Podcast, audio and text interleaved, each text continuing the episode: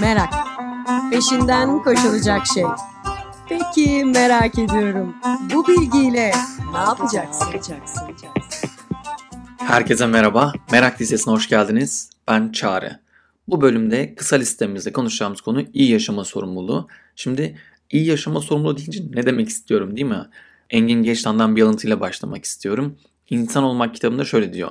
İnsan ancak kendisine verebildiğinde diğer insanlara da gerçek anlamda verecek şeyi olur. Biz genellikle sorumluluk dediğimizde keyifli bir hayat yaşamak istediğimizde hep sanki başkalarını vermek istiyoruz. Yani partnerimize bir şey vermek istiyoruz, kuruma bir şey vermek istiyoruz, dostlarımıza bir şey vermek istiyoruz.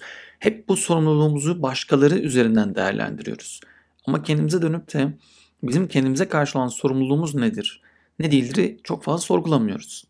Oysa hani şu anons vardır ya bir dinleyin hatırlayacaksınız. Kabin basıncında bir değişiklik olursa başınızın üzerindeki kapaklar otomatik olarak açılacak, oksijen maskeleri ortaya çıkacaktır. En yakın maskeyi kendinize doğru çekiniz. Ağız ve burnunuzu içine alacak şekilde yüzünüze yerleştiriniz. Çocuklu yolcularımızın çocuklarından önce kendi maskelerini takmaları gerekmektedir. Anonsta dediği gibi bizim önce maskeyi kendimize takmamız lazım. Yani aslında yaşamanın keyfini çıkartmak için, iyi bir yaşama sahip olmak için ilk sorumluluğumuz kendimizle. Ve kendimize ait olan bu sorumluluğu aldığımızda aslında hayat daha keyifli hale geliyor. Ama genelde bundan kaçıp ki bazen de sorgulamıyoruz. Çünkü kendini bir bölümünde de anlatmıştım.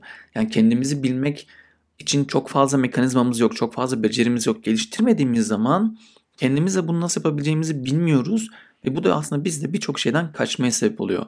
Ve ilk kaçtığımız yerde iyi yaşama sorumluluğumuzdan kaçıyoruz. Keyifli yaşamaktan kaçıyoruz.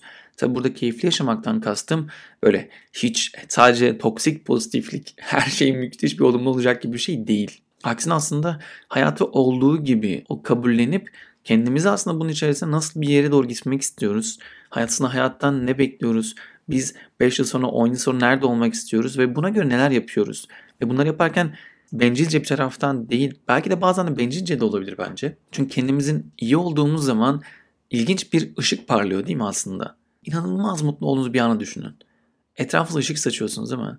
Herkes böyle sanki etrafınızda ve sizinle o enerjiyi paylaşmaya çalışıyorlar. Aslında sizinle beraber o enerji daha da büyüyor, daha da büyüyor, daha da büyüyor, daha da büyüyor. Ve inanılmaz genişlemeye başlıyor.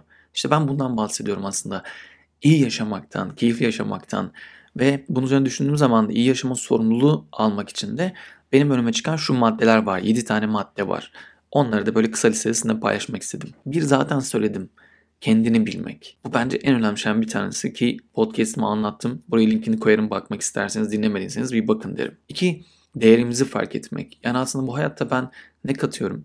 Ben bu hayatta ne yapmaktan mutlu oluyorum? Bu hayatta ne yaptığımda çok mutlu oluyorum ve hayatın değerinin içerisinde benim parçam nerede? Ve ben kendimi nasıl daha değerli kılabilirim? Bu bence çok önemli bir şey. 3.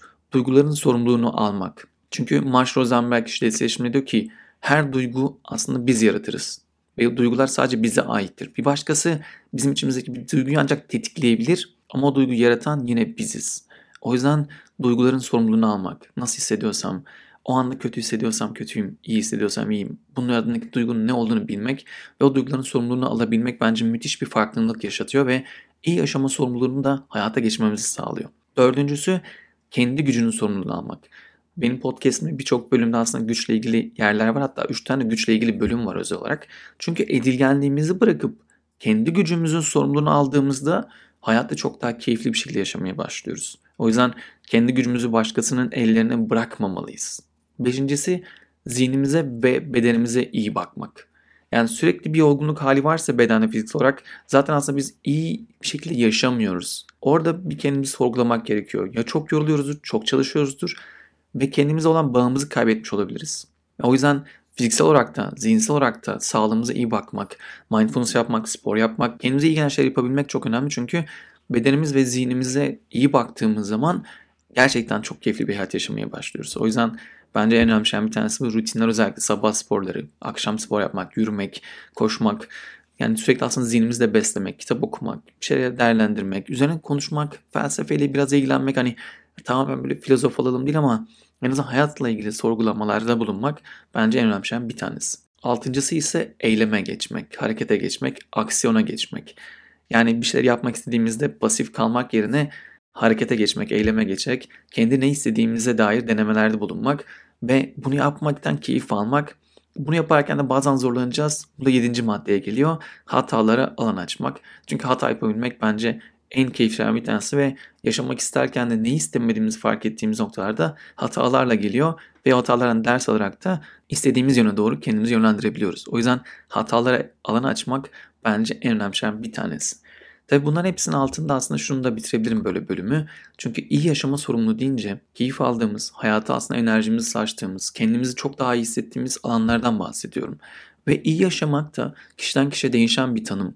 Ben kendimce iyi yaşama halini sorguladığım zaman ben bu yedi maddeye ulaşıyorum. Bu yedi maddeyi yapabildiğimde iyi bir yaşam sürdüğümü düşünüyorum. Hissediyorum çünkü bu beni çok böyle heyecanlandıran, mutlu eden ve kendimi aslında daha fazla ifade edebildiğim, kendi anlamımı bulabildiğim bir alana dönüyor. Sizler neler düşünüyorsunuz onu çok merak ediyorum. Yani sizde iyi yaşama sorumluluğu deyince neler çağrışıyor? Bu yedi maddeye nelere eklemek istersiniz? Onları yorumlarda belirtirseniz çok çok sevinirim.